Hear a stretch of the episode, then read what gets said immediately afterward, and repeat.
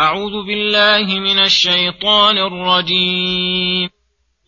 إن الذين كفروا ينادون لمقت الله أكبر من مقتكم أنفسكم ۖ لمقت الله أكبر من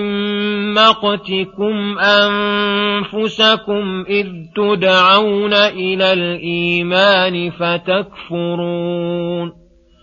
قالوا ربنا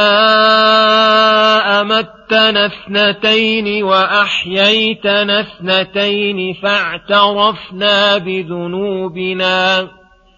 فاعترفنا بذنوبنا فهل إلى خروج من سبيل ذلكم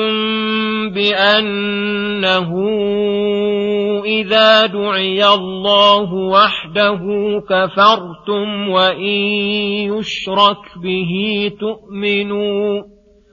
فالحكم لله العلي الكبير هو الذي يريكم اياته وينزل لكم من السماء رزقا وما يتذكر الا من ينيب فادعوا الله مخلصين له الدين ولو كره الكافرون رفيع الدرجات ذو العرش يلقي الروح من امره على من يشاء من عباده لينذر يوم التلاقه يوم هم بارزون لا يخفى على الله منهم شيء لمن الملك اليوم لله الواحد القهار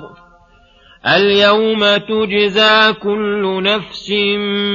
بما كسبت لا ظلم اليوم إن الله سريع الحساب بسم الله الرحمن الرحيم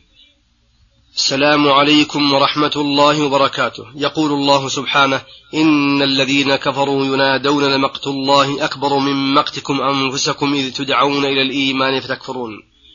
يخبر تعالى عن فضيحة والخزي الذي يصيب الكافرين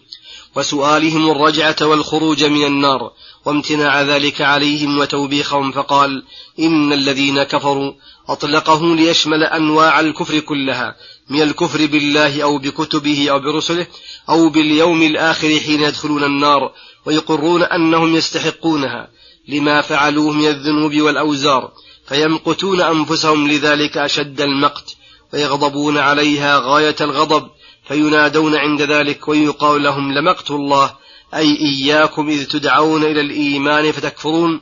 أي حين دعتكم الرسل وأتباعهم إلى الإيمان وأقاموا لكم من البينات ما تبين به الحق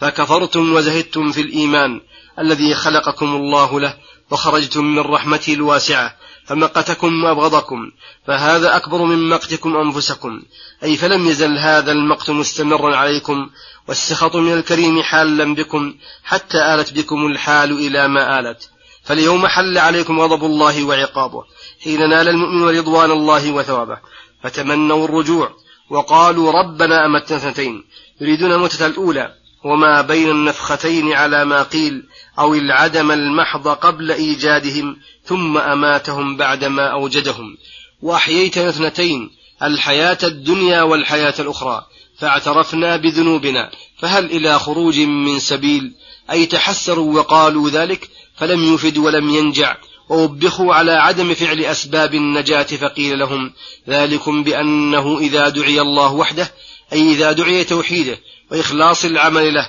ونهي عن الشرك به كفرتم به واشمأزت ذلك قلوبكم ونفرتم غاية النفور وإن يشرك به, وإن يشرك به تؤمنوا أي هذا الذي أنزلكم هذا المنزل وبوأكم هذا المقيل والمحل أنكم تكفرون بالإيمان وتؤمنون بالكفر ترضون بما هو شر وفساد في الدنيا والآخرة وتكرهون ما هو خير وصلاح في الدنيا والآخرة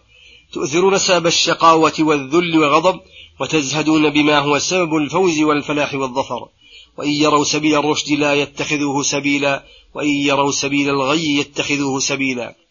فالحكم لله العلي الكبير العلي الذي له العلو المطلق من جميع الوجوه علو الذات وعلو القدر وعلو القهر ومن علو قدره كمال عدله تعالى وأنه يضع الأشياء مواضعها ولا يساوي بين المتقين والفجار الكبير الذي له الكبرياء والعظمة والمجد في أسمائه وصفاته وأفعاله المتنزه عن كل آفة وعيب ونقص إذا كان الحكم له تعالى فقد حكم عليكم بالخلود الدائم فحكمه لا يغير ولا يبدل ثم يذكر تعالى نعمه العظيمة على عباده بتبيين الحق من الباطل بما يري عباده من آيات النفسية والآفاقية والقرآنية الدالة على كل مطلوب مقصود الموضحة للهدى من الضلال بحيث لا يبقى عند الناظر فيها والمتأمل لها أدنى شك في معرفة الحقائق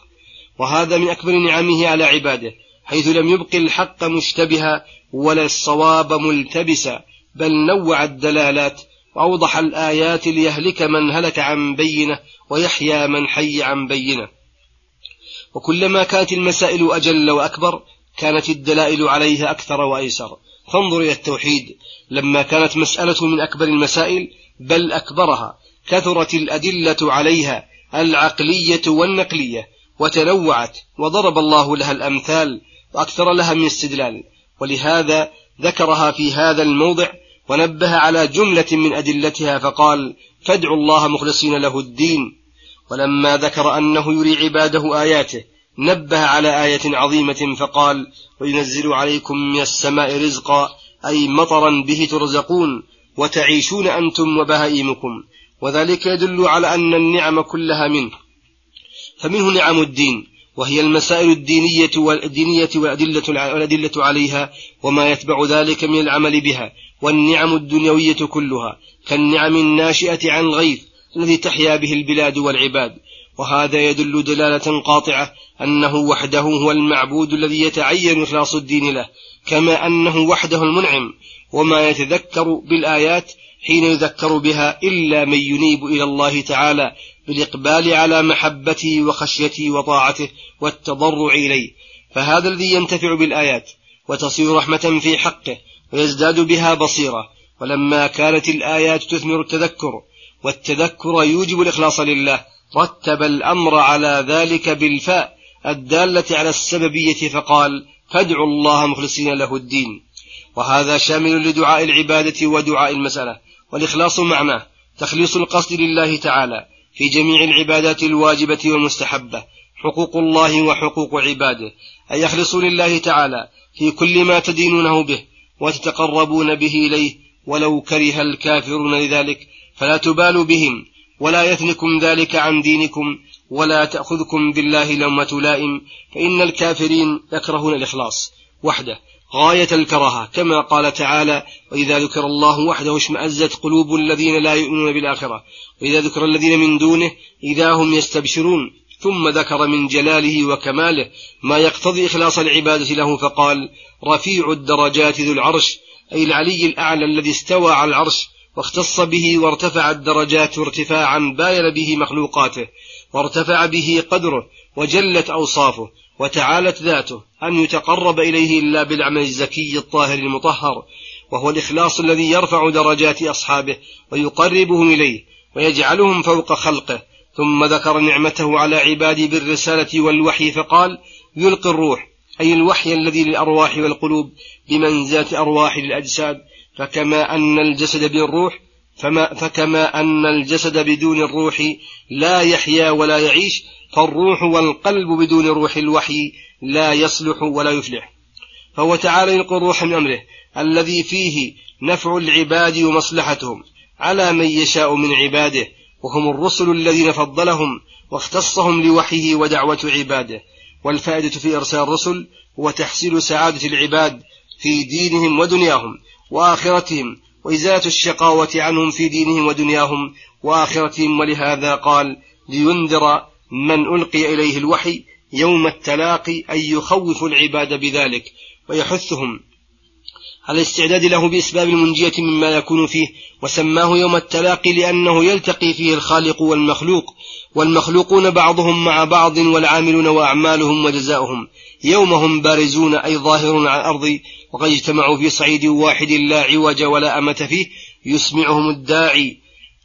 وينفذهم البصر لا يخفى على الله منهم شيء لا من ذواتهم ولا من أعمالهم ولا من جزاء تلك الأعمال لمن الملك اليوم أي من هو المالك لذلك اليوم العظيم الجامع للأولين والآخرين أهل السماوات والأرض الذي انقطعت فيه الشركة في الملك